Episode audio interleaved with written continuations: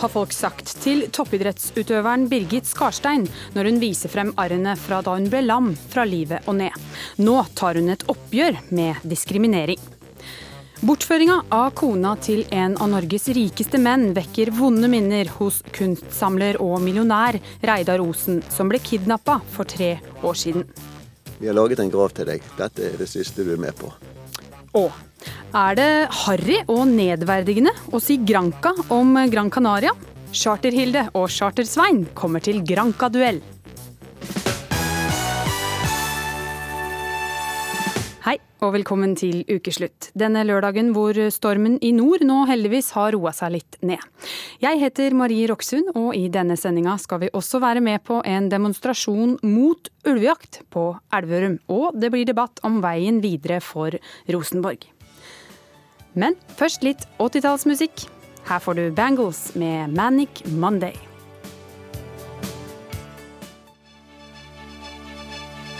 Og vinneren er Birgit Røkkum Skarstein! Tusen, tusen takk. Og jeg vil egentlig bare si tusen takk til alle dere som gjør det mulig. Og så vil jeg veldig veldig gjerne kan jeg få lov til det, å si takk til dere. For at dere har ordna med Stiftelsen Vi. Fordi at det som du sa, Eivind, det heter ikke meg og deg eller dem og oss. Det heter vi. Og hele poenget er at det er ingen som blir god alene. Ingen. Det gjør vi sammen. Den profilerte toppidrettsutøveren, politikeren og rullestolbrukeren Birgit Skarstein er på forsiden av ukebladet KK denne uka.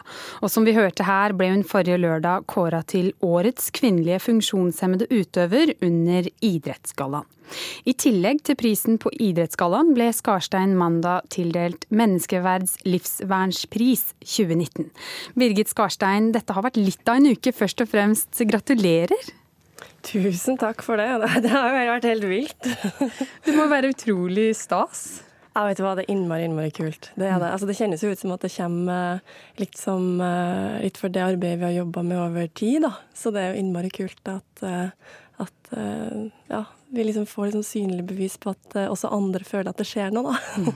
Ja, for det er det du sier, det arbeidet dere har holdt på med. Du hylles jo for å være med på å bryte ned fordommer. Fortell litt om hvilke du har møtt. Det har vært egentlig veldig mye forskjellig, men det er sånne små episoder som skjer støtt og stadig. da. Sånne enkle ting, ikke sant. Som for eksempel, et eksempel som jeg trakk opp nå forrige helg, er det at jeg har vært på vei inn på utested og sånn, og fått beskjed om at alle sammen kan komme inn, unntatt hun, hun i rullestol. Fordi her har vi ikke plass til folk i rullestol. Eller folk som ser på kroppen min ikke sant? og sier æsj, se på de arrene, liksom. Øh, at du kan gå med de åpent uten å skjule de. Eller mennesker som kan si sånn Kunne aldri vært sammen med noen i rullestol, eller eh, Også sånne enkle ting, ikke sant, som å være ute, og så begynner folk å snakke til meg med sånn babystemme. Klappe meg på hodet og klype meg i kinnet, eller Eller også bare det ikke snakke til meg, da, men å snakke til de rundt meg og spør om ting for meg, da, som om de skal svare på vegne av meg. Så det er, det er sånne bitte små ting, og noen litt større ting, som kommer nå og da.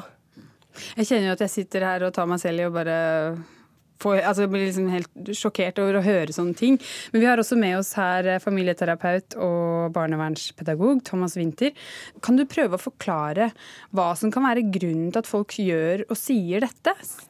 Altså, Vi mennesker er litt sånn vant til det normative. Og det er vi uansett om det er handikap, eller om det er legning, eller om det er andre ting. Og dermed så blir vi litt sånn satt ut når ikke ting er kanskje akkurat helt sånn som det pleier. Akkurat helt sånn som vi tror. Og noen av de uttalelsene her syns jeg er helt hårreisende. Og oppførselen også. Men, men for noen så, så, er dette her kanskje noe man ikke ser like mye i hverdagen som, som andre. Og dermed så, så, stusser vi på det, og så lurer vi på åssen vi skal eh, komme i kontakt, og åssen vi skal snakke med vedkommende. Mm. Men Birgit, hvordan har du lært deg å takle det her?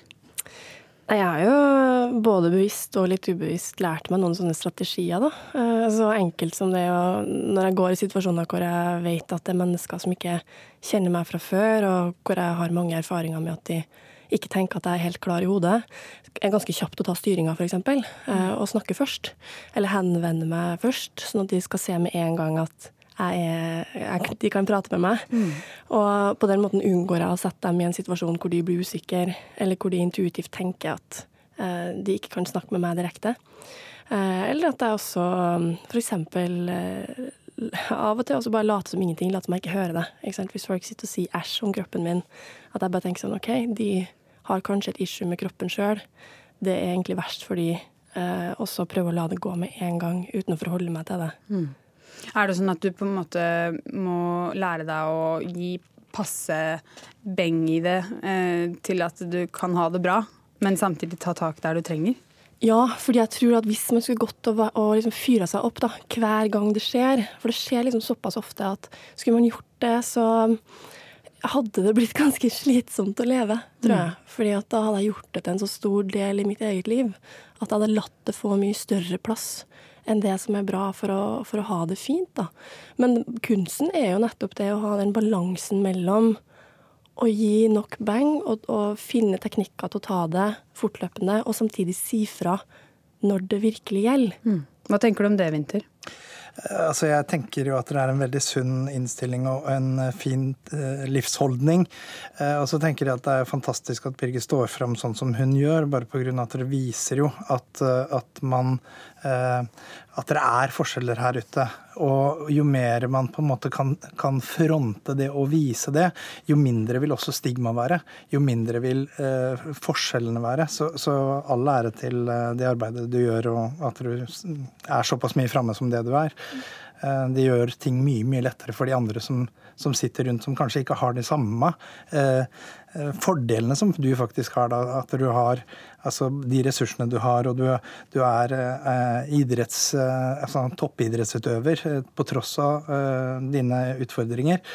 Det, det, finnes jo mange som sitter f.eks. i rullestol som har eh, cerebral parese eller andre ting som gjør det mye vanskeligere, og som, som veldig mange automatisk tenker at dette her er et intelligensnivå som ligger på, på kraftig psykisk utviklingshemma. Så ja, de gjør, de gjør, i hvert fall en vanvittig stor, flott jobb. Altså. Mm. Men kan folk i andre situasjoner også kjenne seg igjen i det, eh, det du belyser, Birgit? Ja, det tror jeg. Altså, det her handler jo om, eh, litt sånn som du egentlig sa veldig pent her nå, om uh, gjenkjennelighet mm. og trygghet og hva du har erfaring med. Og det er i hvert fall ofte det jeg har tenkt på og satt på kvota for sjøl. At oi, det her er kanskje et menneske som ikke har så mye erfaring med akkurat det her, og ikke helt vet hvordan man skal forholde seg til det.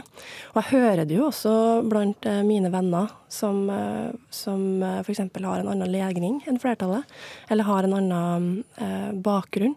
Altså Ei venninne av meg, varaordføreren i Oslo, Kamzy, hun fortalte jo det at uh, hun får jo alltid spørsmål om hvordan eh, bakgrunnen hennes, uh, som en annen, med en annen etnisitet da, enn norsk, hvordan den påvirker hun i arbeidet hun gjør. Og, og hun ble jo så overraska en gang hun var ute uh, med noen barn. Det var noen, noen unger som skulle intervjue hun, og så stilte de ingen spørsmål om det. Og til slutt så, så, spurte hun de, da skal ikke dere spørre meg hvordan bakgrunnen min påvirker meg i arbeidet jeg gjør i hverdagen. Og så så de bare på og så sa de nei, hvorfor det? Ikke sant. Er det relevant? Ikke men, men jeg tror nettopp at det, er, det her er ting som mange andre også opplever. Eh, og det handler om å eksponere det, og handler om å gjøre folk trygge på at det er ikke noe skummelt, det er ikke noe farlig, det er ikke noe man trenger å forholde seg annerledes til. Altså, vi er jo først og fremst mer like enn vi er ulike. Mm. Mm. Og det er som Birgit Birger sier her, altså at eh, jo mer vi kan eksponere det altså For 20 år siden så var det, var det eh, vanskelig for homofile å kunne vise offentlig hengivenhet på, eh, på, gata, fordi da ble de slått ned. Og sånn er det for det meste ikke i dag. Hvis man, eller altså, I det store og det hele så er det ikke sånn.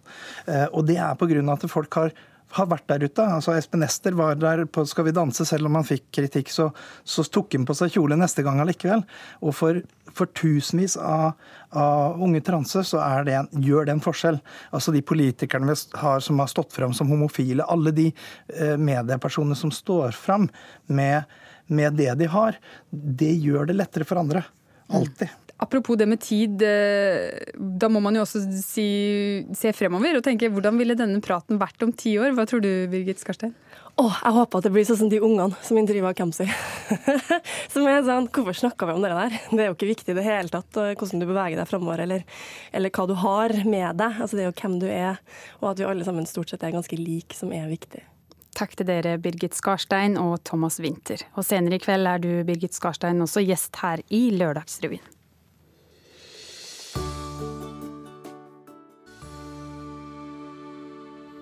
Du hørte nettopp 'Trøstevise' av Finn Kalvik og Kajsa Stina Åkerstrøm.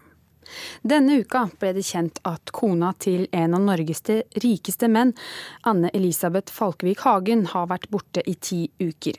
31.10 i fjor skal mannen, eiendomsinvestoren Tom Hagen, ha kommet hjem til tomt hus og et trusselbrev med krav om 9 millioner euro. Saken vekker sterke minner for kunstsamler Reidar Osen. For tre år siden ble han bortført på vei hjem fra jobb.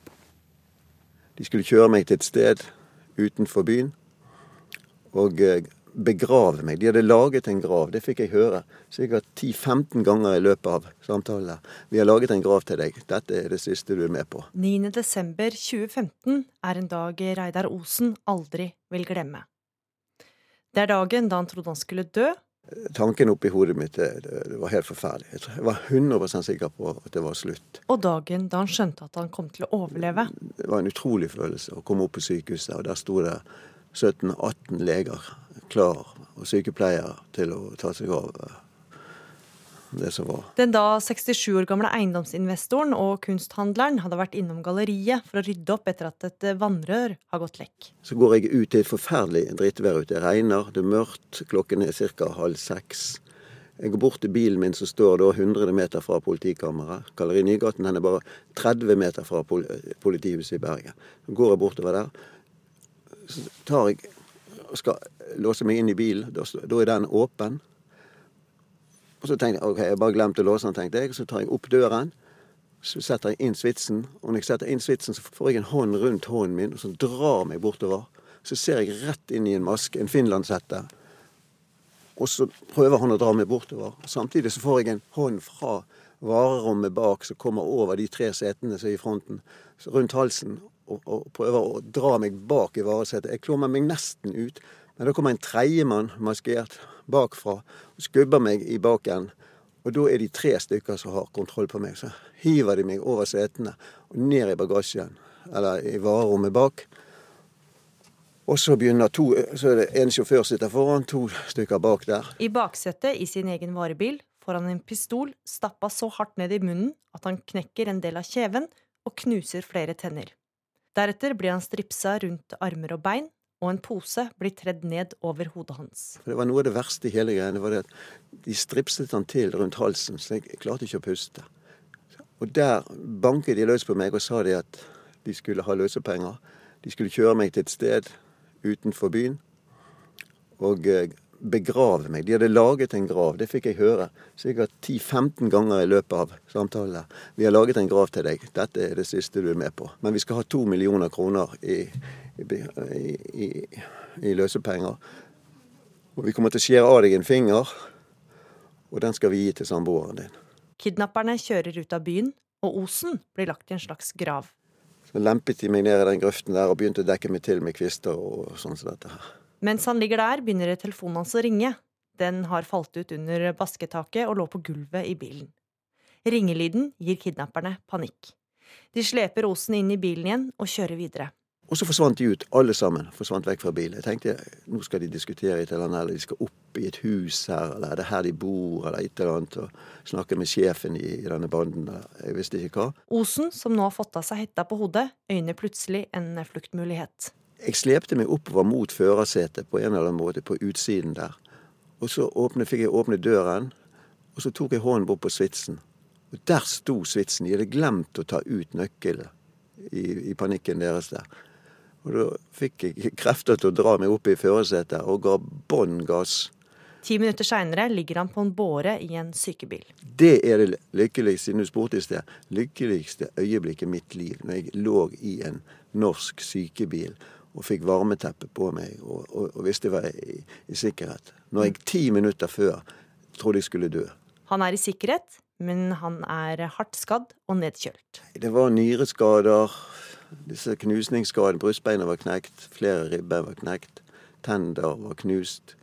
Og etter viste seg at jeg hadde også brudd i, i kjeven, og blåmerker og kuler overalt. Så hadde de en kniv også, så de skjærte meg i håndleddet helt inn inn på, på, beinet, så de måtte sy meg der også. Så det var blod. og Jeg så helt forferdelig ut. altså. Saken er fortsatt ikke oppklart, og Osen er kritisk til hvordan politiet har jobba med saken hans. Det som er så sårt i denne saken, er det at politiet har ikke etterforsket den ferdig. De har ikke satt inn de ressursene. For etter det var gått når vi kom ut i midten av februar, så var det kun én mann som hadde sto igjen på saken. Det er jo helt på trynet, som vi sier her. Også. Hadde de gjort saken, etterforsket og gjort dette skikkelig og fått oppklart denne saken her, så hadde det vært preventivt ovenfor f.eks. det som skjer i disse dager. Vest politidistrikt er kjent med kritikken fra Osen, og politiet skriver i en e-post at saken er sendt til statsadvokaten for innstilling, og at de derfor ikke kan kommentere den. Reporter i saken var Gry Veiby. Hør hvordan en isbil bidro til å finne kidnapperne i en av de største bortføringssakene i Skandinavia, etter litt musikk.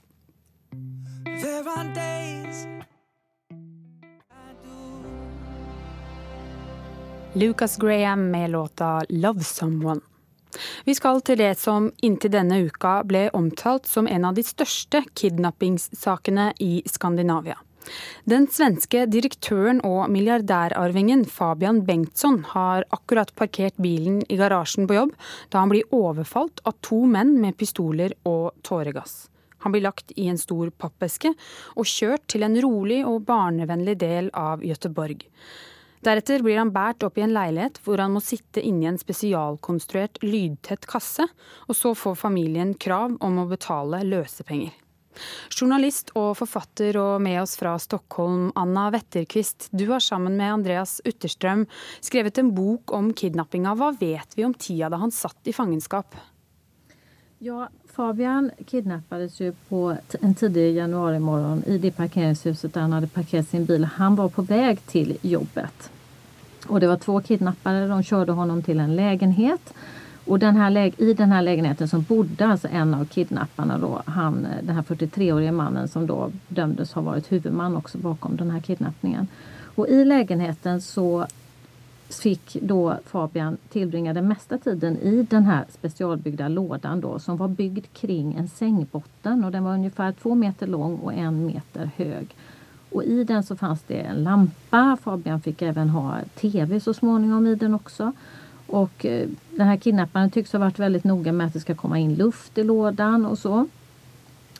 Och eh, det har handlat en hel del om vardagsbestyr då också i, eh, i den här lägenheten. Alltså att Fabian fick duscha, han behövde gå på toaletten.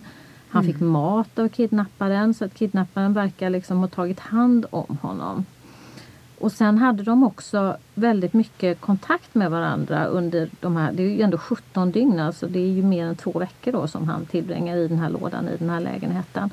Och de har mycket kontakt med varandra, kidnapparen pratar mycket med honom om olika saker. Och det handlar mycket om att etablera en kommunikation då med Fabians familj för att undvika polisen, för att försöka få ut de här pengarna. Kidnapparen kräver ju då 5 miljoner euro och 5 miljoner kronor i lösensumma. Mm. Och Fabian får då skriva brev, handskrivna brev som då skickas till hans sambo. Eh, det skickas brev till chefredaktören för GT i Göteborg. Mm, det, den här kidnapparen spelar in samtal där Fabian får läsa upp de här breven och som sen spelas upp när kidnapparen då ringer till Fabians pappa till exempel. Mm. Så det handlar väldigt mycket om den här eh, hur ska man etablera en kommunikationsväg då? Och ett tag kommunicerar man då via annonser i tidningen Göteborgs-Posten. Familjen da ska då sätta in annonser om någon bilförsäljning då för att eh, för att bekräfta att man har fått de här breven och så. Mm. Men Etter 17 døgn så slipper han altså ut. Hva skjer da? Det är så här då att den här 43-årige mannen som då har kidnappat honom och håller reda på honom i lägenheten, han blir sjuk. Så han får någon typ av maginfluensa eller magkatarr. Det är också så att hans hyresvärd, den killen som han hyr lägenheten av, kommer förbi och knackar på och vill ha betalt för hyran för den har han glömt att betala då. Den här unga killen som också är med, 24-åringen, han blir också väldigt pressad av den här situationen och har berättat efteråt att han vädjar till den här 43-årige mannen att han ska släppa Fabian. Det, så att det verkar som att det helt enkelt har blivit för jobbigt. Man klarar inte av att fortsätta. Och dessutom så har den här 43-årige mannen börjat gilla Fabian. Och han ger också uttryck efteråt för att han trodde att de skulle kunna bli vänner. Mm. Så de släpper honom en tidig morgon i februari i ett stort parkområde i Göteborg som heter Slottsskogen. Och där tror då den här 43-årige mannen att han ska gå hem. Därför att det här är ganska nära Fabians lägenhet då. Mm. Men det gör han inte utan han får hjälp av allmänheten att kontakta polisen och blir upplockad där. Då. Ja, for, for Bengtsson hjalp politiet å lokalisere gjerningsmennene på en ganske finurlig måte. Hva gjorde han? Jo, han, I den här lägenheten så noterar Fabian när glassbilen, alltså isbilen som ni kallar det för ja, i Norge. Isbil. Glass, precis, isbilen. Den mm. kommer förbi eh, på en viss veckodag vid en viss tidpunkt. Det här noterar Fabian. Och den här informationen ger han till polisen sen. Han berättar också att han har fått mat från McDonalds och han har lyckats att ta tiden. Han har försökt att klocka tiden för hur lång tid det tar att åka till McDonalds och man kan räkna ut att det ligger alltså en McDonalds ganska i närheten av den här lägenheten då. Så att med hjälp av den här informationen så kan polisen genom uteslutningsmetoden ringa in två stycken områden i Göteborg. Ett av de här områdena visar sig då vara rätt område. Man gör en lista på folk som bor där, kontaktar hyresvärdarna och hör efter också om det har varit någonting konstigt. Om det är någon av fastighetsskötarna eller någon som har reagerat på någonting mm. i någon av de här lägenheterna. Och på det sättet så får man då napp och ja. hittar den här lägenheten. Mm. Helt kort till slut. Kidnapperne presser jo familien for ganske mye penger. Hva gjorde det med hvordan eh, spesielt velstående mennesker i Sverige tenkte på egen sikkerhet? Alltså under tiden det här dramat pågick så var det ju många som hörde av sig till olika säkerhetsföretag och till branschorganisationer och även till polisen. Men det tycks inte vara så många som sen har fullföljt detta, som har alltså gått vidare och faktiskt gjort någonting efteråt. Jag känner bara till, i Göteborg känner jag bara till ett fall med en familj som anställde en säkerhetsvakt. Men det är väl kanske inte någonting som man går ut och berättar öppet om.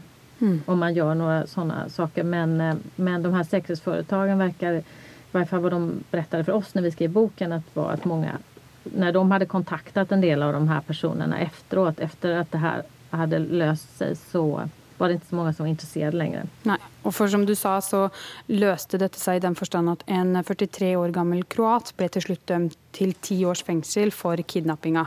Han är nu fri. En annan man blev också dömd i saken. Tusen tack för att du var med i Ukeslutt, Anna Wetterqvist.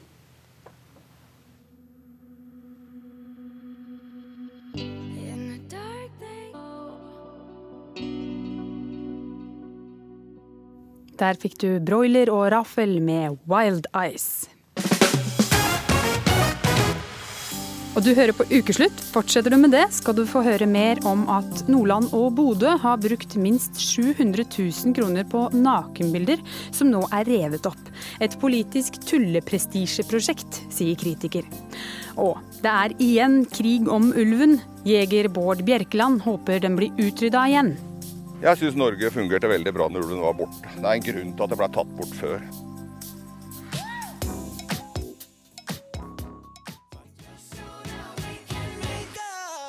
Det var Jason Derulo og Vice med 'Make Up'.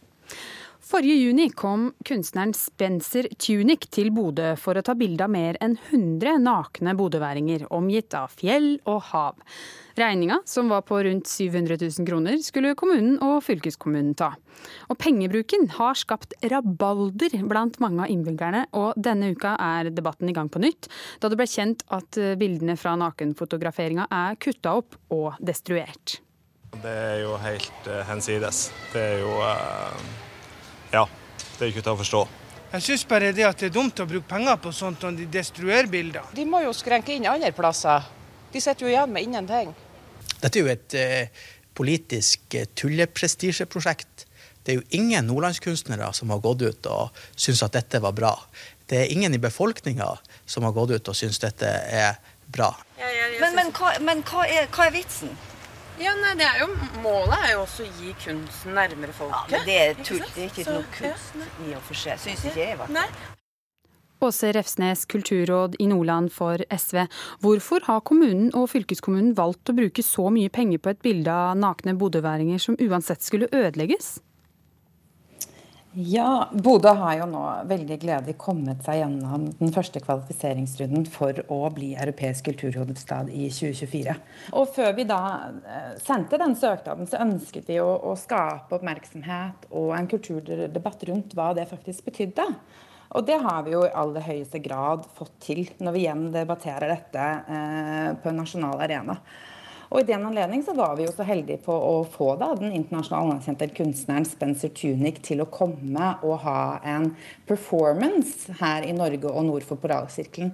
Og det var jo et, et, bevisst valg. Vi ønsket å invitere noen utenfra til å gjennomføre en, en sånn kunstform da, som er litt annerledes enn en f.eks. en musikkonsert. Ja, for Du sier den er litt annerledes, men mange tenker jo kanskje at man heller burde inngått en avtale om at kunsten skulle være mer tilgjengelig for folk, istedenfor å ja. klippe den opp?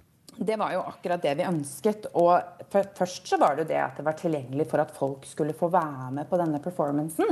Og det var det jo i underkant av 200 som ønsket å være med og fikk det minnet for livet.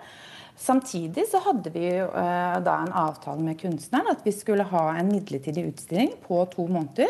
Som vi stilte ut da offentlig og gratis for folk til å se. Men det var hele tiden ment at dette skulle være en midlertidig eh, utstilling. Og det var også laget sånn, det var en kopi av bildene som ble utstilt. Og, og, laget på en måte til å stå ute, men ikke til å stå ute noe lenger enn to måneder. De hadde stått ute i ganske hardt bodevær, og, og, og, derfor var det helt naturlig at de også ja. eh, ble destruert. Allan Ellingsen, fylkesleder i Nordland Frp. Du er en av dem som har vært eh, kritiske til prosjektet. Hvorfor det? Jeg syns jo det her er galskap. Eh, både pga. pengene man bruker, altså skattebetalerne sine penger, som man bruker nærmere 1 million kroner på å leie inn en mangemillionærfotograf fra USA for å ta bilder, når vi vet hvor mange fantastiske kunstnere, hvor mange fantastiske fotografer eh, og andre illustratører som vi har i fylket vårt, så heller burde vise frem. Eh, og når man da ser at det er en kontrakt som gir en mangemillionærfotograf fra USA 50 000 dollar, altså med dagens kurs nærmere 500 000 kroner direkte, eh, og i tillegg så får altså denne kunstneren nærmere 25 000 kroner i kontanter rett i handa til kaffe og wienerbrød når han kommer til Bodø, så er dette en galskap. Og jeg skjønner veldig godt at innbyggerne, som opplever at det kuttes på hurtigbåter som de trenger, når vi opplever at Bodø med en av Norges høyeste eiendomsskatter bruker penger på sånn tull som dette her, så skjønner jeg veldig godt at folk reagerer, og jeg tror det er med å skape politikerforakt. Refsnes, hvorfor ikke en norsk fotograf? Du, det, når, når, man får det spørsmålet, så, så er det litt som å få si OK, hvorfor skal vi ikke invitere U2 eller Bruce Springsteen til å komme til Bodø. Eh, eh, I en festival så er det helt naturlig at man inviterer noen fra utlandet. Og kanskje neste konsert eh, velger å ha en som er lokal. Eh, og uavhengig av den kritikken som har kommet, så var jo hele planen i dette var at vi skulle ha en kombinasjon mellom både regionale og internasjonale eh, kunstnere. Nei, nå, nå, nå, nå er det jeg som, nå er det jeg som snakker. Forskjell på en internasjonal artist er jo at her er det skattebetalerne sine penger, men om Bruce Springsteen kommer hit, så betaler vi for å høre. Jeg er helt klar over at, at vi kan ha en offentlig debatt om pengebruk. Der er vi uenige, men det er en viktig debatt å ta. Det er helt helt klart. Men her er det uh, helt viktig for meg å si at dette har vi gjort for at vi ønsker å løfte kultur i et langsiktig perspektiv. Få dette opp på agendaen. Uh, og det å lage oppmerksomhet rundt dette er helt klart. Det er jo ikke forbausende at eh, Fremskrittspartiet er imot det. De er imot det at vi skal bli europeisk kulturhovedstad. Og de har også vært mot store, suksessfulle uh, kulturprosjekter i Bodø og Nordland, slik som Kulturlandskap Bodø og Stormen. La Ellingsen svarer for Frp. Ja, Først og fremst så er jo vi interessert i å vise vår kultur. Altså Når Nordland skal bruke penger på kultur, så skal vi vise frem våre kunstnere, våre fotografer og vår kultur. Og da oppleve at man inviterer en fotograf når man er kulturråd i Nordland fra USA, som attpåtil er mangemillionær, og bildene blir destruert etterpå. Vi er altså nødt til å kjøpe bildene. Den eneste som har sagt han vil kjøpe en bilde, det er altså en, eh, en eiendomsspekulant i Bodø som har penger nok til å kjøpe disse bildene her, og får ta glede av dem i ettertid.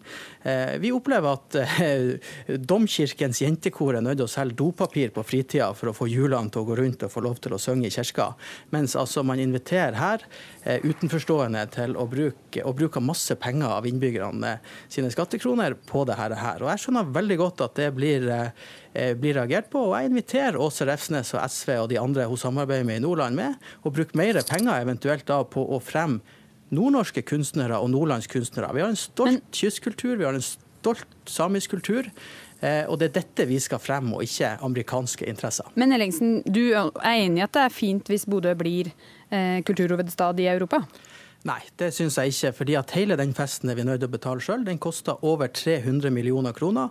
Eh, og allerede nå ser vi hvordan pengene blir brukt. De blir ikke brukt på utvikling av lokal kultur. Det kommer til å bli en fest for fiffen. Eh, og sånn pengebruk med skattebetalerne sine penger, det er Fremskrittspartiet imot. Hvorfor er det ikke bra med et uh, kunststunt å satse på det? Fordi at vi skal faktisk promotere et prosjekt som skal, eh, som skal, vise frem den kulturen vi har. Og da inviterer folk fra USA, som attpåtil er mange millionærer. Det blir eh, helt feil for oss. Eh, og jeg tror folk også er nå i harnisk, fordi at de ser at det kuttes overalt, men det brukes altså penger på sånt tull som det her. Man har altså brukt nærmere én million kroner. Kunstner sitter igjen med det meste, og han sitter igjen med rettighetene på alle bildene. Så dette var altså en eh, dyr glede som fort gikk over. Refsnes, du kan få svare på det helt til slutt. Nei, jeg synes dette er, eh, dette er jo klart at, at Fremskrittspartiet ønsker å benytte hver anledning til å kritisere det, for de ikke vil, det, vil bli europeisk kulturhovedstad. Og jeg tenker Dette er bare første oppspill blant for, for mange. og, og dette er, Vi får trolig ikke noe nakenhet fremover, men dette, vi vil få kunst som provoserer. Og når vi fikk tilbakemelding fra EU nå på den første søknaden, så var jo tilbakemeldingen at vi, vi var ikke ambisiøse nok, og vi var ikke internasjonale nok. og Det betyr jo at dette var en hel riktig retning å starte i. Da må vi sette en strek der. Takk til dere, Åse Refsnes og Allan Ellingsen. Om litt skal vi høre mer om at PST regner utenlandske agenter som den viktigste trusselen i Norge i dag. Vi får besøk av en agent i ukeslutt, muligens den ultimate agent. Men først får vi musikk fra Vinje i Telemark, Ingebjørg Bratland med 'Bror'.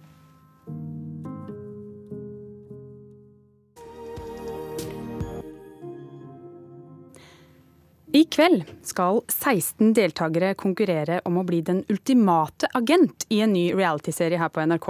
I ti episoder skal spionene skygge og bli forfulgt og knekke koder og avsløre.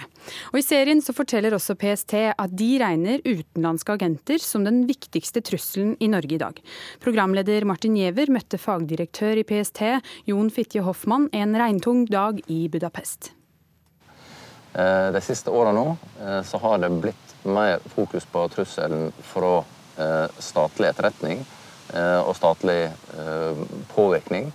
Og det er også den trusselen som vi prioriterer høyeste per nå.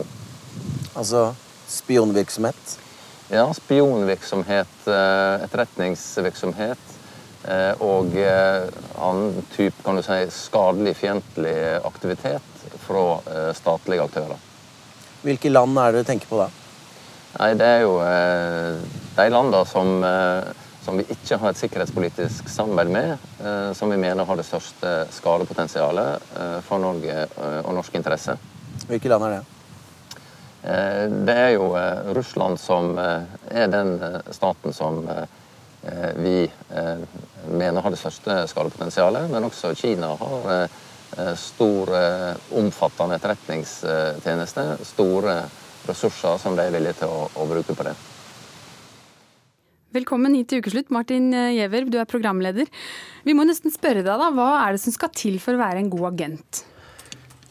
Det tror jeg er eh, først og fremst at man er flink med folk Hvis man, er, hvis man tenker agent sånn i litt sånn klassisk forstand. Flink til å eh, liksom gli naturlig inn.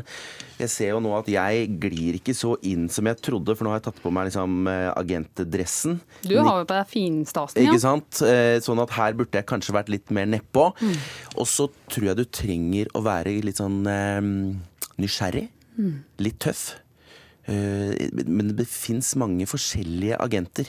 Jeg tror jeg ville gått for den litt sånn eh, James Bond-agenten. Mm. Og som vi hørte, så har du altså intervjua PST i forbindelse med det programmet her. Men så er det et underholdningsprogram. Eh, Kan du forklare litt om hvorfor dere har valgt å kombinere underholdning med et såpass alvorlig tema som spionasje og trusselbilde i og for seg er? Ja, altså spionasje er jo veldig Altså, det har alltid vært spioner der ute. Men det er blitt veldig aktuelt. Og vi har jo en del eh, situasjoner også i Norge der eh, man ser at film og, og TV ikke er så langt unna virkeligheten. Og så har vi da tatt med PST for å understreke det. At eh, denne verden fins. Og så intervjua vi da PST litt for å skjønne litt mer hvor, hvor vanlig dette er. Og det er litt spennende egentlig at PST da sier at vet du hva, det finnes masse spioner i Norge. Vi vet hvem en del av de er. Ikke alle. De kommer fra Russland Kina. tenker at det er litt sånn kult å bare vite at det er ikke bare på film, altså. Og vi har også med oss eh, en av agentene i serien her nå. Det er deg, Nick Berisha. Hvor ekte føltes livet som agent? Ja, det var ganske, ganske ekte. For oss deltakere så var det Altså, jeg, jeg, jeg følte meg som en agent. Det tok kanskje litt tid, men det kom til et punkt der jeg virkelig 100% følte meg som agent. Jeg gjorde ting. Jeg så meg selv som agent. Jeg begynte å altså, fysisk se ut som en agent. Kan du si hva du gjorde? Eller hva var oppgavene dere fikk? Det var, det var alt mulig rart. Det var alt mulig rart, Og vi visste aldri hva som skulle skje. Det var liksom the element of surprise, eller hva skal vi kalle det, the element of not knowing. Mm. Hvis man kan kalle det et element. Kan du gi et par eksempler? Ja, greia. Vi sitter i en bil. Vi veit at det er en informant vi skal prøve å få litt informasjon av, eller skaffe informasjon om.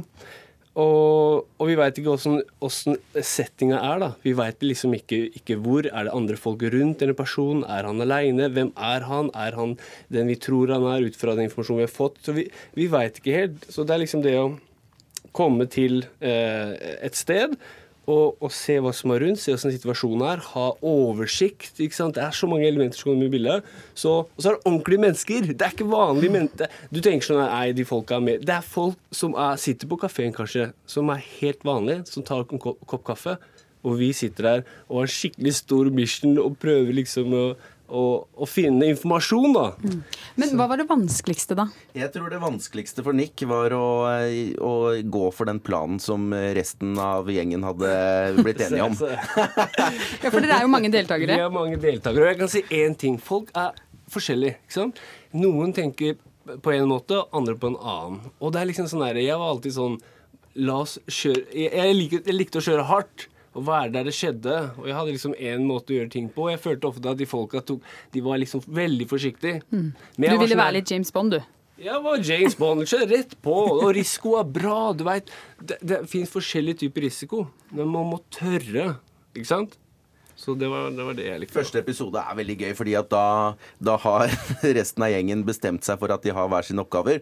Og så reiser Nick seg opp og rapper et glass eh, fra, fra en kafé. Og alle blir superstressa. Hva er det Nick finner på nå? Men Nick fikser det, han, vet du. Mm. Og det kan vi også se på TV nå i kveld. 21.20 i kveld. Mm. Premiere på Den ultimate agent. Verdens tøffeste TV-program. Jeg har aldri sett noe lignende. Gleder dere dere til å se det? Veldig. Og så er det litt sånn Det er så mye råstoff som er filma, at jeg er litt sånn Jeg håper dette jeg, jeg, er ganske sikker på at det blir kult. Jeg bare, Hva er det som blir sendt? Det er jeg spent på. Mm. En annen ting. Da må vi egentlig avrunde der. Ja, så mye å fortelle om, jo!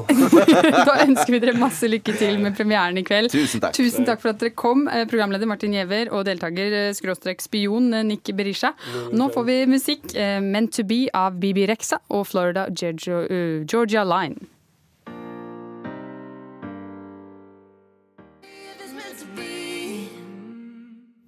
Vi skal ha en nyhetsoppdatering nå, og det har skjedd flere alvorlige ulykker i verden. Vidar Eidhammer i Dagsnytt. Um, den franske hovedstaden Paris ble råket av en kraftig eksplosjon i dag tidlig. Nå opplyser brannvesenet at minst 36 er skadde, tolv av de kritisk. Eksplosjonen råket et bygg med et bakeri og førte til store skader. Politiet sier det trolig var en gasslekkasje som førte til eksplosjonen. Også Nigeria ble råka av en eksplosjon i dag. En tankbil lasta med olje velta, og mange kom til for å samle opp olja. Men plutselig tok alt fyr og eksploderte. Lokalt politi sier de har funnet tolv døde, men eh, vitner forteller til internasjonale nyhetsbyrå at det trolig er mange flere som har mista livet. Et vitne forteller at eh, mange brann helt opp i brannen som oppsto. Og i Sverige var det en svært alvorlig trafikkulykke i natt. Seks personer i en minibuss mista livet i en frontkollisjon med en lastebil. Denne ulykka skjedde sørøst for Kiruna, som ligger nord i landet. Men så er det også noe som kan minne om en gladnyhet? Ja, og det er at eh, arbeidet med å fjerne dieselolje fra en havarert eh, fiskebåt på Svalbard trolig blir ferdig i kveld eller i natt. Det er det Kystverket som opplyser. Det var i romjula at en reketråler gikk på grunn i Hinlopenstredet, og båten hadde over 300 000 liter dieselolje om bord. Hvis de hadde kommet ut i havet, så kunne det skapt store ødelegginger, både dyr og planter, både til havs og til lands, men nå ser det ut til at de får opp det meste. Mm. Og akkurat nå er det demonstrasjoner mot ulv over hele landet. Vi skal ut og sjekke stemninga i Elverum, og vi skal møte en jeger som håper ulven blir utrydda fra norsk fauna for godt. Men først et musikalsk innslag.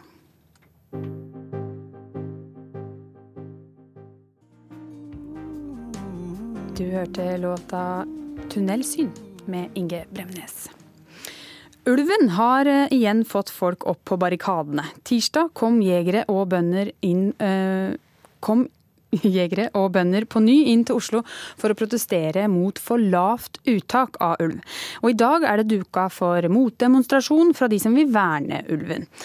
Reporter Kari Li møtte først eh, Ludvig Løkholm Levin, som bokstavelig talt fikk ulv ned i halsen da han var på jobb i en dyrepark. Jeg er jo litt nervøs. Jeg veit jo at sånn, ok, vi er i en park. De hadde ikke gjort dette hvis det var farlig, men det er et rovdyr, liksom. Så jeg, man ser at jeg prøver liksom å knytte knoken for å liksom forsvare liksom eh, strupen, da, i tilfelle. Reporter Ludvig Løkholm Levin i NRK-programmet Dyrevenn prøver å beskytte seg, men blir fullstendig overrumpla av ulveflokken han møter i en dyrepark i Bardu. I videoen som er spredt for hele verden, kan vi se at ulvene slikker NRK-reporteren inni munnen. Løkholm Levin har fått instruks om å ikke provosere ulvene eller nekte dem noe, og lar dem holde på. Se her, de er jo helt ville. De krabber oppå hverandre for å få liksom tilgang til munnen. Da. Men jeg kjenner jo da de ganske kraftige ørnetenna på hver sin side av kinnet. Og det er helt vilt. Og den tunga er lang, altså. Og når de da kjører den helt ned så dypt de kan, og det er ikke tull engang, altså åpner munnen, legger liksom kjevene på hver side av ansiktet for å sløyta helt ned i halsen, så er det Det er en følelse som det er umulig å forklare. Tirsdag denne uka er sentrumsgatene i Oslo fylt av tobeinte som absolutt ikke vil ha noen nærkontakt med ulven. Bønder, skogeiere og jegere krever at regjeringen følger Stortingets vedtak og skyter flere ulver. Og så har de som da blir rammet av politikken, veldig lite makt.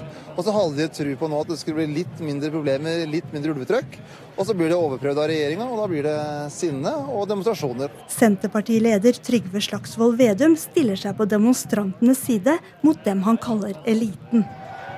Også landbruksminister Bård Hoksrud forsikrer at regjeringen er på parti med ulvemotstanderne. Nå er det sånn at Vi eh, har altså aldri tatt ut eh, mer ulv enn det vi gjør nå. Jeg har stor eh, forståelse for mange av de som er her i dag, men vi gjør flere grep fra regjeringa sin side nå for å dempe konfliktene og for å ta ut ulv som ikke skal være der.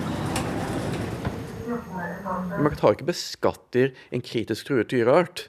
Altså Det er som å sende pandajegere til Kina. Høyt over faklene og plakatene som krever flere ulver skutt, bor professor Dag Øystein Ensjø. Nå går vi ut på balkongen. I 14. etasje midt i Oslo sentrum er det ikke påtrengende mye dyreliv. Duer og måker, og som vi ser nå har de fått lov å holde på et par uker. Professor Ensjø er provosert over regjeringens håndtering av ulvemotstanden. det er jo ganske ekstremt. altså Her har vi en statsminister som sier at går og skryter av at vi skyter mer ulv enn noen annen regjering.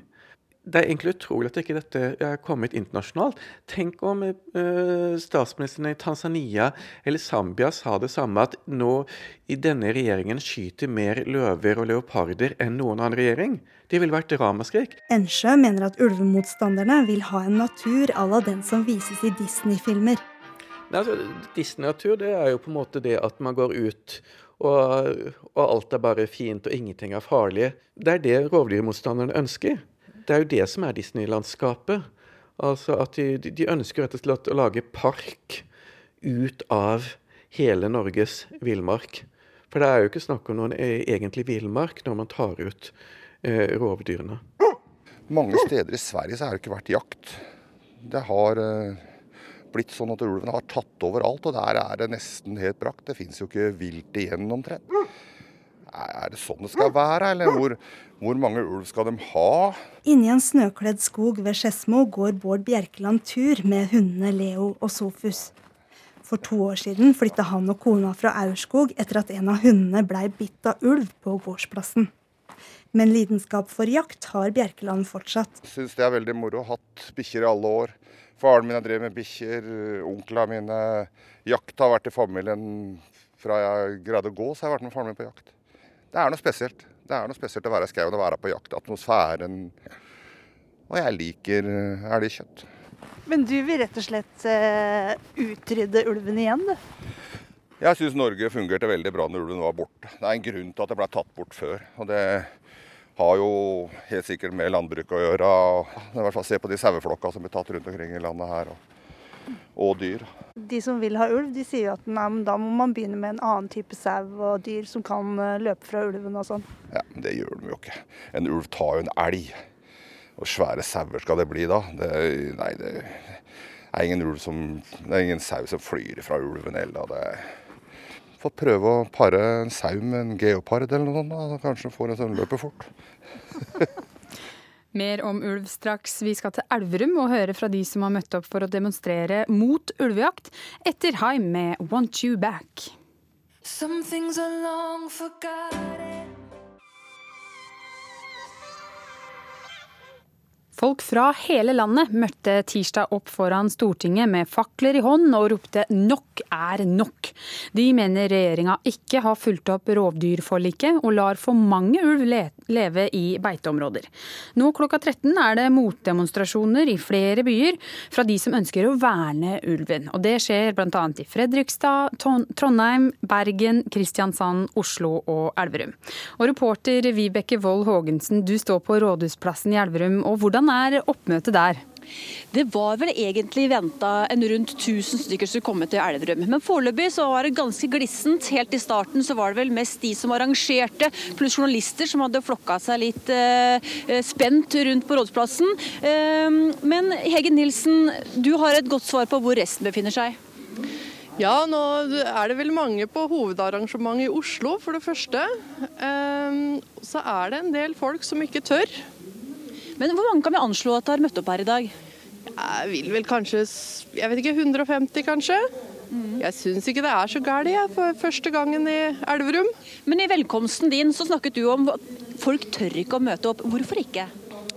Eh, de er redd for eh, hvilke konsekvenser det får. Eh, for både seg sjøl og for, for, familien, hvis de står fram som, som vernere, som det så fint heter. da. Ja, for nå, den Demonstrasjonen her den ligger på en måte midt i konfliktområdet. Vi er ikke langt unna ulvesona.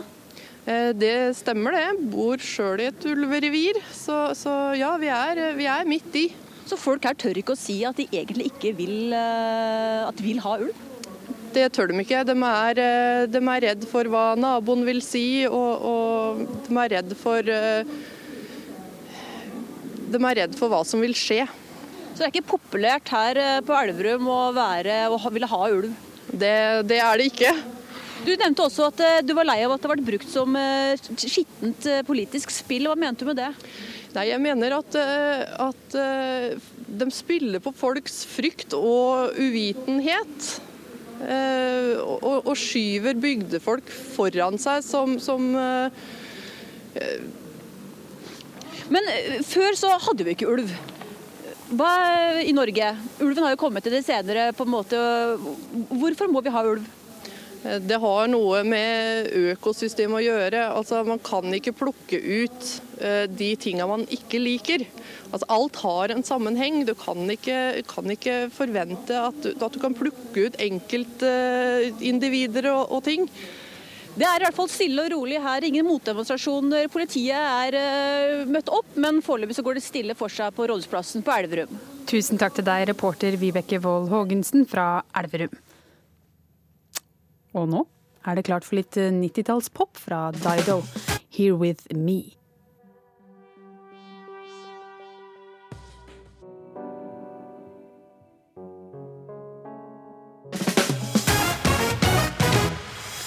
Den neste timen, halvtimen i Ukeslutt skal du få høre mer om disse sakene. Det er nedverdigende å si Granka, sier Charterhilde. Ærlig talt, nå må, få, nå må folk slutte å bare Folk må få kalle øya for hva de vil, svarer Chartersvein. Og det blir Granka-duell i Ukeslutt. Og det ble ikke nytt år og blanke ark for Rosenborg, men nytt år og mer støy. Hvordan påvirker det omdømmet til fotballklubben?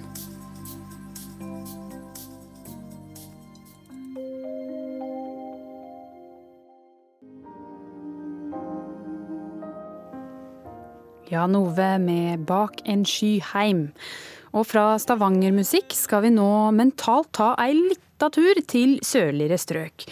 For hvis jeg sier at jeg skal til Granca i vinterferien, hva tenker dere da? Får dere andre assosiasjoner enn om jeg sier at jeg skal til Gran Canaria? Granca, Granca, Granca. Den beste unnskyldningen er å være bortreist. Finn.no ja, denne snutten har du kanskje fått på hjernen etter å ha sett eh, reklamen for Finn som går i disse dager. Men det er altså sånn at redaktøren av Gran Canarias største norskspråklige avis skrev i en lederartikkel at det er respektløst og et verbalt lavmål å si Granca. Og en som er enig i at man bør droppe å si Granca, det er deg, Hilde Skovdal, også kjent som Charter-Hilde. Hvorfor liker ikke du at folk kaller øya for Granca?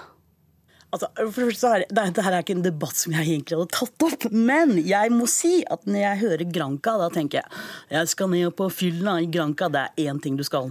Det tenker jeg når jeg hører det. Men hvorfor det? Hva er det som gjør nei, at du altså, forbinder nei, Granca med nei, rosa cowboyhatt med pels? Ja, det er vel det at når du skal på fylla, så er det liksom det du skal, og da er det bare Granca. Men når jeg hører Gran, Gran Canaria, så er det så mye mer. Det som jeg mener, det er at det, sånn som mange sier eh, søta bror, eh, Malla, Granca. Da har du allerede liksom, Bæsja.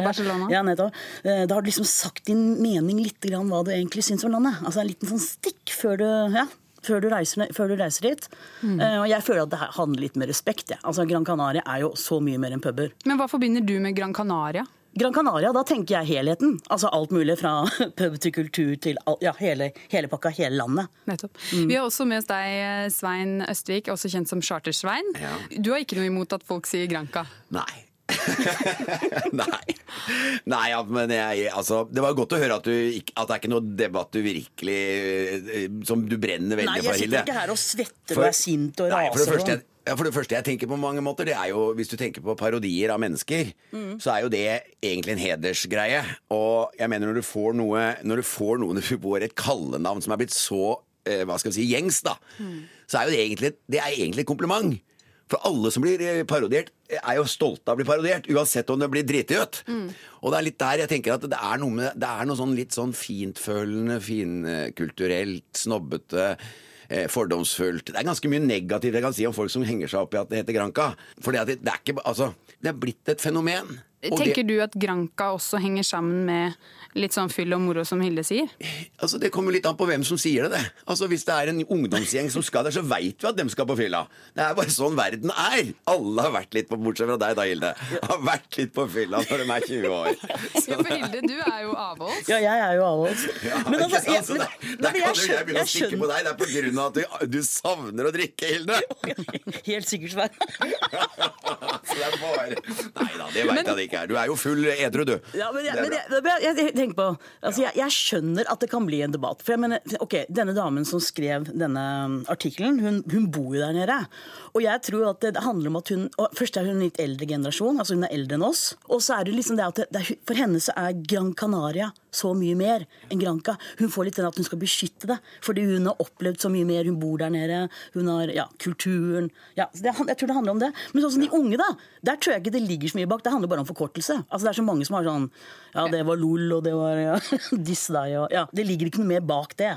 Men Svein, du, er, du er enig i at det er viktig å vise respekt overfor lokalbefolkningen og landet som sådan? Ja, altså ikke sant, men eh, det er jo så mange måter å vise det på. For at eh, det er jo selvfølgelig mennesker som, mennesker som tenker, eh, og som selvfølgelig er i en annen generasjon, tenker annerledes.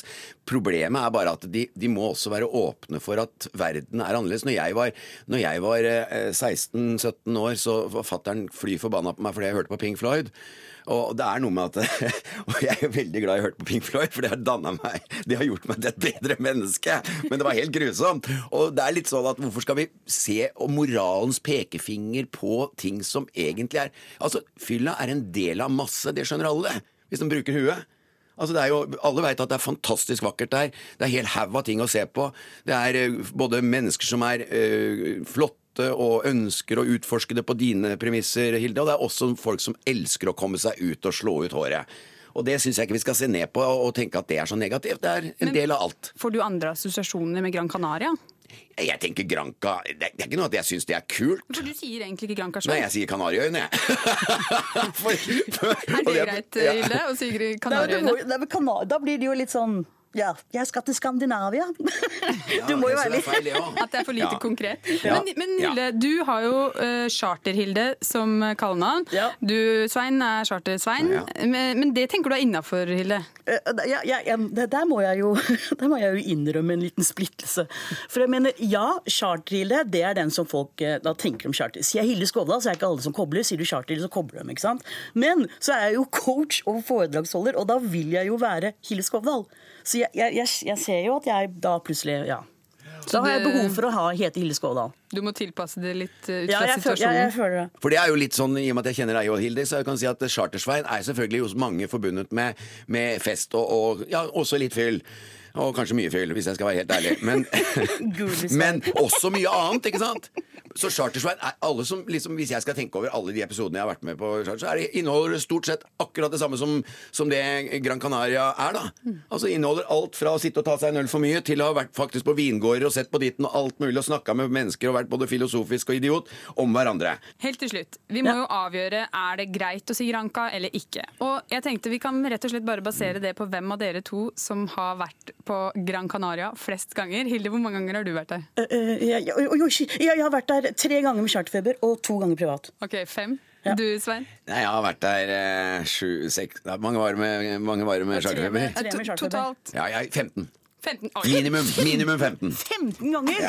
Da tror jeg Chartersvein er Granca. Dommen, dommen er at det er innafor å si Granca, altså. Tusen, Det er det. tusen takk til er dere, Hilde om. Ja, tusen takk til Gran Canaria. Jeg Tusen deg for takk det, da, Hilde. Jeg skal bare si du en ting til slutt. finkulturell meg. Selv om du er mer Jeg enn finkulturell. Svein, jeg elsker deg. enn meg. Svein, jeg elsker deg enn om du sier Granca. Ja, det. Ja, Takk skal du ok. ja, si at du elsker meg òg, da! Ja, jeg elsker jo deg, jeg sa jo det. Jeg, jeg- Tusen takk til dere, Hilde Skovdal og Svein Østvik, også kjent som Charter-Hilde og Charter-Svein. Ha det bra. Ha det bra.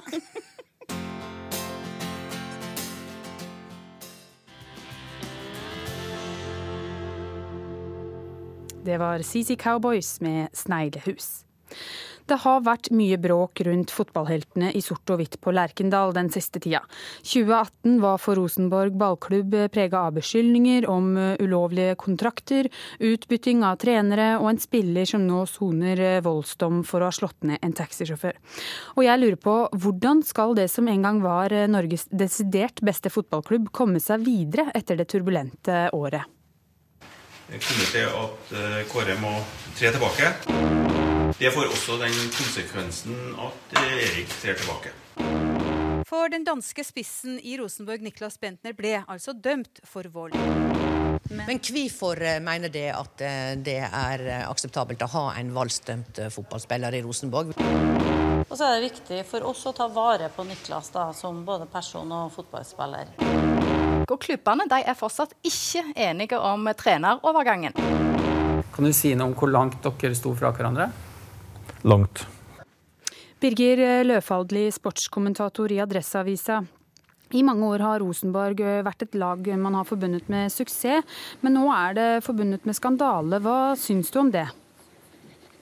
Nei, Det er jo en kombinasjon. da. Rosenborg har jo fortsatt sportslig suksess. Det så vi jo i fjorårssesongen. Men det er jo sånn at i 2018 så ble den sportslige suksessen overskygga av nettopp de tingene som ble oppsummert her nå.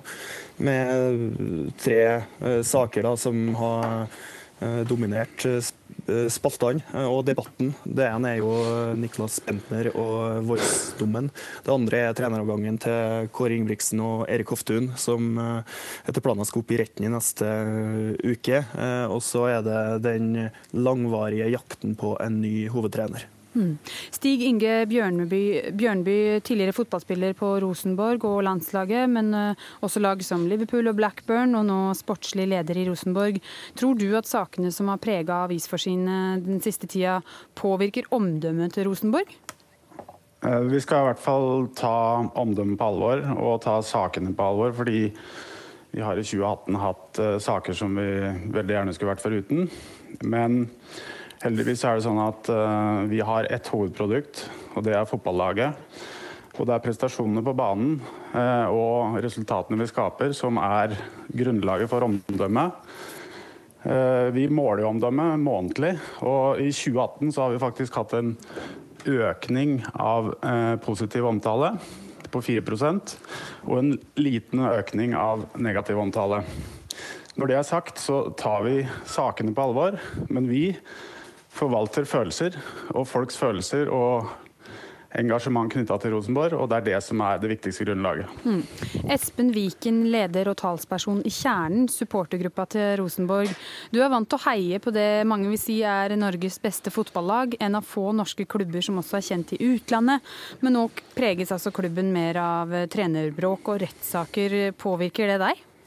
Eh, jeg kjenner meg jo ikke helt igjen. Eh, vi diskuterer jo trenere, disposisjoner, spillerprestasjoner, samhandling og sånn hele tida uansett. Så for oss er jo det her vanlig business. Vi har bare, eh, vi har bare hatt en runde på Niklas og hva vi tenker om det.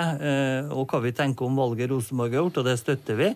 Vi har hatt en runde på det med trenere og hvilke forventninger vi har, og hva vi tenker oss. og og nå har vi på en måte begynt å lande det når Erik har kommet på banen. og sånn, så jeg kjenner meg jo ikke helt igjen i denne greia dere lager. For for oss er Rosenborg styr hele tida, fordi at vi er supportere. Vi føler. Eh, og for oss er det jo et engasjement i det hele tida. Så hva det er som skal være så annerledes, det vet ikke jeg. Men jeg konstaterer jo at uh, nyhetsmedia vil gjerne ha Eh, perspektivene mine på både krise og det ene og det andre, så jeg blir jo litt lattermild eh, her jeg sitter i Trøndelag. For at, eh, som en Stig Inge sa det, når vi begynner sesongen, eh, hvis laget begynner å gjøre det bra, så er det jo det det handler om. Mm. Altså Alt det andre er jo Jeg skal ikke si at det er agurker, eh, for det er nok litt eh, i det her som ikke er agurk. Eller Løfaldri, du skal få ordet. Hva er Rosenborg ja, akkurat, uh... ja, Du kan få kommentere det først. Nei, akkurat det som blir sagt her, det gjør meg litt skremt. For at uh, det er litt sånn forsøk på å bagatellisere det som har skjedd. Og da tenker jeg spesielt på Bentner-saken, som jeg syns er ille. Uh, og jeg syns at Rosenborg i enda større grad enn de har gjort, burde ha tatt avstand fra det som faktisk skjedde i den saken. For det var det var absolutt eh, noe som Rosenborg ikke skal, eh, skal, stå for i det hele tatt. Eh, det er ikke sånn at de har støtta den handlinga, men jeg har gjerne at Rosenborg har vært enda tydeligere i hva de mener om akkurat den Bentner-saken. Kan du bare forklare Og kort, det, for de som ikke vet? Det er klubbens aller største stjerne, eh, som er dømt om å sone 50 dager for å ha slått en taxisjåfør i København. Eh, og at det er normal business i Rosenborg at den største stjerna skal uh, sitte i København i 50 dager, mens resten av klubben uh, setter i gang med sesongoppkjøringa. Den er ikke jeg med på. Det er ingen som har sagt, Birger. Men jeg skjønner at du har sterke følelser og meninger rundt det som du ikke har landa. Forskjellen er at vi er akkurat på samme vis som deg. eh, veldig lite komfortabel med at eh, stjerna på Rosenborg er voldsdømt. Men vi konkluderer med at den er dømt i Danmark, eh, langt unna Trondheim. Vi konkluderer, med at eh, han eh, av, tjener straffa si nå. Eh, og for oss, hvis det der hadde vært noe som hadde vært i og rundt her Men vi, vi ser faktisk at Rosenborg har en mulighet til å ta vare på noe for. Det, vi ser flere aspekter av det der, og det utfordrer jeg deg til å se òg. For det er ingen som står inne for at det er greit. Bjørneby. Det må du slutte å si, altså. Bjørneby, da dere vant eh, mot AC Milan i 1996, besto laget av ni trøndere. Har det skjedd noe med kulturen i Rosenborg siden den tid? Det har skjedd noe med fotballkulturen, for den endrer seg hele tida. Og Rosenborg jobber hardt for å, for å, være med på den internasjonale utviklingen. Vi har sagt at det er det som er ambisjonene våre. Og vi jobber med å, å opptrå så profesjonelt som mulig på alle områder. Og, men det er jo eh, utviklingen av trønderske spillere, noe vi også tar på alvor, i likhet med omdømme og alle mulige andre ting. Og dette er et sammensatt og komplekst bilde. Og Løfaldli vingler jo litt her også, fordi vi har jo hatt den samme holdningen som han har hatt i, i kommentatorform rundt Niklas. Vi har vært tydelige på at vi tar avstand fra handlingen, men at vi tar vare på mennesket i det. Mm. Eh, Løfaldli, har Rosenborg et uh, for høyt ambisjonsnivå? Nei, jeg, jeg setter jo veldig pris på at uh, Bjørneby og resten av ledelsen sikter så høyt som de gjør. Uh, Rosenborg er i en suveren posisjon i Norge økonomisk, og det skulle bare mangle at de ikke har europeiske ambisjoner. Uh, og Så stiller jeg spørsmålet om hele organisasjonen er klar over hva de ambisjonene innebærer. Det ble jo snakka i Rosenborg om at du skal Eh, du skal ta den minste detalj, du skal jobbe hver eneste dag for å få fremskritt. De sakene, og spesielt da, Bender-saken, den toppa jo, men òg de andre sakene, eh, den gjør meg jo litt i tvil om om det faktisk er sånn at uh, Rosenborg uh, bruker hver eneste dag på å bli bedre på fotballbanen. Viken, hva tenker du? Uh, nei, jeg tenker det som kanskje Altså, du så det når Erik Hoftun la opp som spiller i Rosenborg. Eh, at det plutselig ble uro i bakerste rekke. Og Det har selvfølgelig sammenheng med at han var den tydelige lederen gjennom mange mange, mange år. Og Når den tydelige lederen blir borte, så blir det en form for konkurranse om ledelse. Eh, så det når Nils Arne forsvant ut. Det har vært veldig mye konkurranse om ledelse i Rosenborg de siste 15 årene. Det er jo det vi ser som eh, er grunnen til at vi i det brevet vi skrev, åpne brevet til styret i Rosenborg, skrev at vi ønska oss Horneland. Det er jo nettopp den tydeligheten. Vi trenger tydelig ledelse. Bjørnby. Og det er vi veldig glad for eh, at det ser ut som vi har fått. Men så forholder vi oss retten til å vente til vi kommer i gang for å se hvordan det går. Bjørnby, da Rosenborg var legendariske på 90-tallet, så krevde ikke internasjonalt fotballspill like mye penger som den gjør i dag. Men er drømmen om eh, Champions League, eh, som mange i trønderpublikummet fortsatt har, eh, realistisk? Det, det, er viktig å ha visjoner og det er viktig å ha noe å strekke seg etter. og Vi tør å ha dem, og vi ønsker å ha dem. Og vi er litt avhengig av å ha dem, for vi skal sprenge grenser, og vi skal sprenge grenser i 2019. Vi kan også måle omdømmet på sesongkortsalg. Det er et fint eh, måleparameter. Vi har ligget litt bak eh, fram til nå, men det handler om forventning. Det handler om engasjement. Det handler om hva som kommer i 2019. Og så ser vi effekten av eh, når treneren var på plass, for den var uavklart lenge. Det var en kalkulert prosess og ikke en ikke en del av uh, uroen i Rosenborg. Det var en kalkulert og nødvendig tidsbruk, og vi endte opp med en god løsning. Og vi så en umiddelbar effekt på sesongkortsalget. Folk gleder seg til å se Rosenborg i 2019. Gleder seg til å bli engasjert av spillet. Og vi gleder oss til å fylle opp Lerkendal igjen. og mm. ta fatt på framtida, for den ser lys ut. Er du like optimistisk, Løfaldli?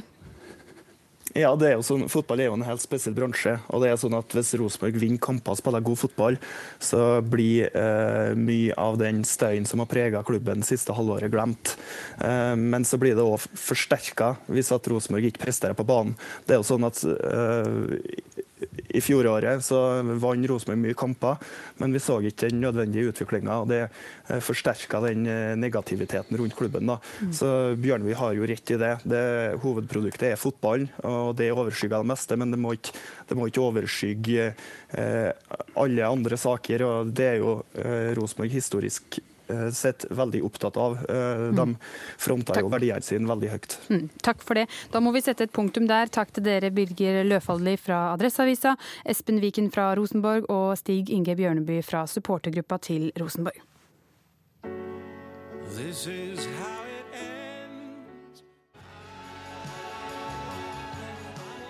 Ja, og det gikk ei kule varmt på slutten der før vi satte på a-ha med Under the Makeup. Stig Inge Bjørneby er selvfølgelig sportslig leder i RBK, og Espen Viken er leder i supportergruppa. Vi skal ut i lørdagstrafikken og starte på E6 i Østfold, der det har vært en trafikkulykke. Kari Stenhjem. Ja, det er stengt i begge retninger nå på E6 ved Rygge, mellom Sarpsborg og Moss. Dette er mellom Jonsten og Halmstadkrysset, og det er nå anbefalt uh, omkjøring på fv. 118 gjennom Råde. Og politiet skriver nå på Twitter at uh, det er flere biler som snur og kjører mot kjøreretning. Dette er livsfarlig, og de anbefaler bilister å holde køen. Vi er videre til Agderfylkene, for der har det vært glatt siden i morges fordi regn fryser på bakken og det er vanskelig å strø, så der må bilister fortsatt kjøre etter forholdene. Nord i landet ser det mye bedre ut etter uværet, både på veiene og for fergetrafikken og flytrafikken, men på E6 helt nord i Troms er det fortsatt stengt på Kvænangsfjellet, og også nord for eh, Alta er det stengt over Hatter på E6. Ellers så blir det nå kolonnekjøring eller åpent eh, de fleste steder, sånn at det ser mye, mye bedre ut der. Og så er det været. Statsmeteorolog Terje Alsvik Vallø, hvordan ser det ut? Det ser mye roligere ut nå enn det gjorde i går. Det blåser riktignok eh, kuling fra nordvest flere steder på kysten av Troms og Finnmark, men vinden roer seg ytterligere nå i løpet av dagen. Og så forekommer noen snøbyger i Nord-Norge, særlig i Finnmark og Troms. Og i Sør-Norge så er det stort sett oppholdsvær nå i ettermiddag og kveld, selv om det kan henge litt nedbør på Sør-Vestlandet frem til i kveld. Og I natt så kommer et lavtrykk inn fra vest, og det passerer østover gjennom eh, Trøndelag til Sverige i morgen tidlig eller morgen formiddag. Og Dette lavtrykket gir nedbør til særlig Vestlandet og Trøndelag, og da som regn under ca. 600-1000 meter på Vestlandet. Høyest snøgrense i Rogaland med nedbemest i form av snø eller sludd i Trøndelag, også i lavere terreng. I morgen formiddag søker vinden til nordlig til nordvestlig kuling på kysten av Vestland og Trøndelag, opp mot sterk kuling på kysten sør for Stad. Da blir det bygevær og synkende snøgrense, og flest bygger da nord for Stad. Sørlandet, Telemark og Østlandet får stort sett oppholdsvær i morgen. Vi ligger le bak fjellet. Men lokalt litt snø på Østlandet i morgen formiddag og regn vest i Agder i natt og i morgentimene i morgen. Opp til kuling eh, fra omkring vest på sørlandskysten, særlig vest for Lindesnes. I fjellet Sør-Norge vestlig kuling eh, i høyfjellet. Snøbyger i nord og vest, ellers stort sett oppholdsvær i morgen. Og I Nordland så blir det for det meste skyet og snøbyger, mens i Troms og Finnmark så er det hovedsakelig ytre strøk som er utsatt for enkelte byger i morgen, mens ellers så blir det stort sett oppholdsvær indre strøk der. Og vinden avtar til frisk bris eller mindre i Nord-Norge i morgen. Og Spitsbergen, her blir det oppholdsvær rundt Longyearbyen med en røstlig frisk bris. Temperaturen over ett-tiden var i uh, Tromsø minus 1, Trondheim pluss 1, Bergen pluss 3, Kjevik, Kristiansand pluss 1. Blindern Oslo har nå minus 2 grader. Varmest landet, Sola Stavanger pluss 7,6.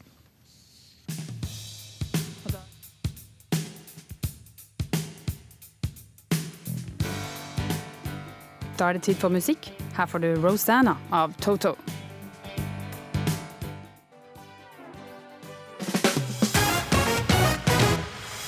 Ukeslutt er over for denne gang, og vi takker for følget. Ansvarlig for sendinga var Linn Beate Gabrielsen, teknisk ansvarlig Finn Lie, og jeg heter Marie Roksund.